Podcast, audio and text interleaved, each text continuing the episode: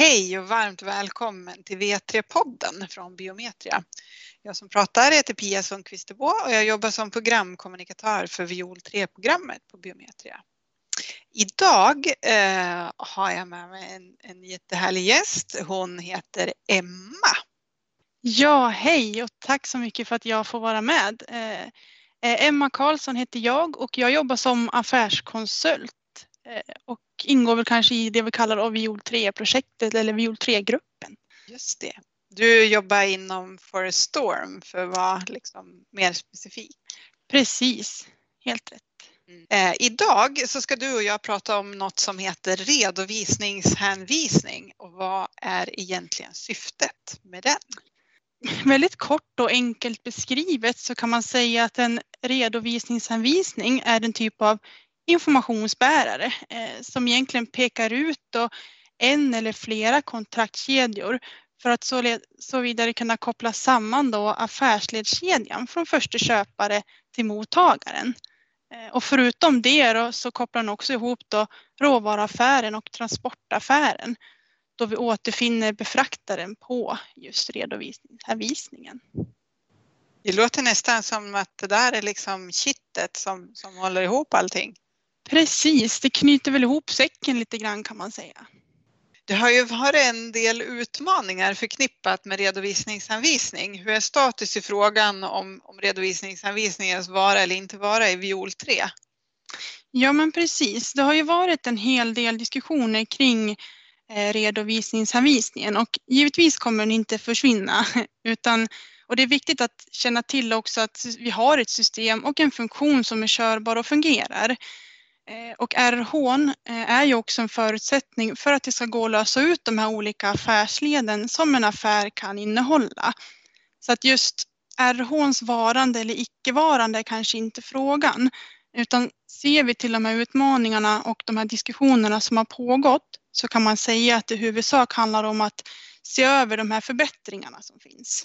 Och då är det ju främst den administrativa biten som vi jobbar på för att förenkla. Och under den här resans gång då så har ju då ett antal förändringar i lösningen gjorts men det kvarstår som sagt fortfarande en del arbeten då, som vi jobbar vidare med i dagsläget. Du sa RH, Emma. Vad är det för någonting? Ja, RH det är väl egentligen en, en, en förkortning för redovisningshänvisning. För det är ett ganska långt ord att säga så det brukar vara enklare att säga RH. Ja, jag förstår. Det är så att man håller på att vricka tungan. Ja. ja RH låter ju mycket bättre. Men då har vi koll på det. Tack ja. så mycket. Eh, men alltså vad är anledningen eller varför införs redovisningsanvisning i viol 3? Ja, men som jag precis har nämnt här så det är ju en förutsättning för att vi överhuvudtaget ska kunna genomföra eh, affärerna. Eh, men också för att det behövs ju för att knyta samman en hel affärsledskedja. Och likadant görs ju också idag i viol 2. Men att det vi kallar då i viol 3 är redovisningsanvisning. Så det är en funktion som är lika nödvändig i dagens viol 2 som i morgondagens viol 3. Eh, hur ska redovisningsanvisningen användas i systemet då? Ja, eh, redovisningsanvisningen kommer användas som styrdata för att beskriva det här unika affärsflödet. Och vi själva destineringen sammankopplar då första ledsaffären med kontraktkedjor och mottagaren det är väl enkelt beskrivet hur den kommer användas. Och det kan vara en eller flera eh, kontraktskedjor? Precis, man kan ju styra det på olika sätt då. Alltså vad ersätter den i dagens viol 2 då? Finns ja. det något namn på, på det, det i viol 2? Det vet inte jag. Ja, det man kan säga i viol 2, då finns det egentligen fyra sätt att göra det här på. Antingen då genom kontrakt på virkesorden.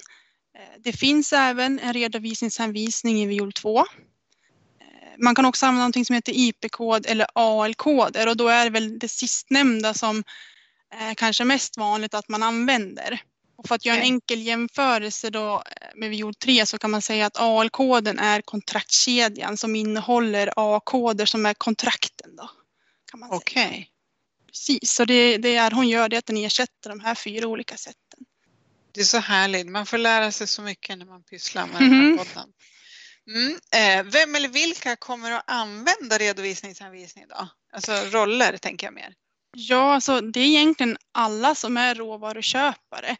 Och det gäller egentligen oavsett vad det är för typ av affär som man gör. Om det är köp från en privat aktör eller köp från en annan organisation så kommer man att komma i kontakt med redovisningsanvisningen och använda den. Mm. Och det spelar ingen roll heller vilken typ av råvara man köper? Nej. Nej. Eh, vilka är de största nyttorna då med, med redovisningshänvisningen eh, om jag är kund? Jag skulle nog vilja säga så här, det är inte en direkt nytta på det viset utan ser det snarare som en möjlighet eller faktiskt en förutsättning för att kunna lösa ut affären. För det RH möjliggör är ju faktiskt att vi kan hantera de komplexa affärsledskedjorna som vi har idag. Mm. Och man kan säga då att den här komplexiteten då, det är väl egentligen en konsekvens eller ligger till grund för hur våra kunder sätter upp och gör sina affärer idag. Mm. På vilket sätt kommer redovisningsanvisning att förändra då, eh, för min organisation om, om vi nu tänker att jag är kund här? Ja, men framför allt så är ju redovisningsanvisningen en viktig del för att eh, uppnå en större proaktivitet i både mätning och redovisning eh, inom en organisation. Har vi inte redovisningsanvisningen på plats och är den inte korrekt uppsatt, ja då kommer vi inte kunna destinera och det går heller inte att genomföra affären. Så att utan destineringen har vi ingen mätorder och inte heller något underlag för transporten. Så framförallt proaktiviteten skulle jag säga att det påverkar. Ganska grundläggande, hörru du. Precis, ja, skulle man kunna säga. Ja. Mm. Eh, finns det något i övrigt som du vill förmedla till lyssnarna om just eh, redovisningsanvisning? Ja, men framförallt till våra kunder att sätt er ner och se över era affärer som ni har idag och, och gör en kartläggning därefter. Eh, vilka redovisningsanvisningar behöver just ni och hur många blir det i slutändan och på vilket sätt och vad kan man göra för att kanske minska antalet? Så kartläggning eh, av era affärer skulle jag vilja eh, tipsa om.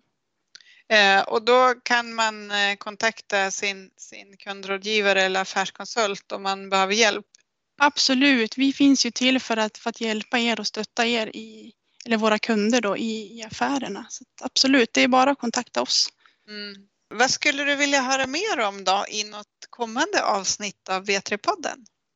Oj, ja det finns ju så otroligt mycket att prata om när det kommer till viol 3. Roliga ämnen dessutom, men något som jag skulle tycka var väldigt kul att höra mer om det är ju området produktion. För det är egentligen vad är det som händer där ute i skogen för det är trots allt där som allting startar från första början. Det har du rätt i. Mm. Mm. Spännande. Jag skulle vilja tacka dig så väldigt mycket Emma. Ja men tack eh, själv. För att du har eh, lagt ner tid och, och velat vara gäst i, i podden. Det, det är mycket värt. Det är en ära att få, att få vara med. ja, tack så mycket. Eh, och som avslutning då så vill jag säga till er som lyssnar där ute. Stay tuned.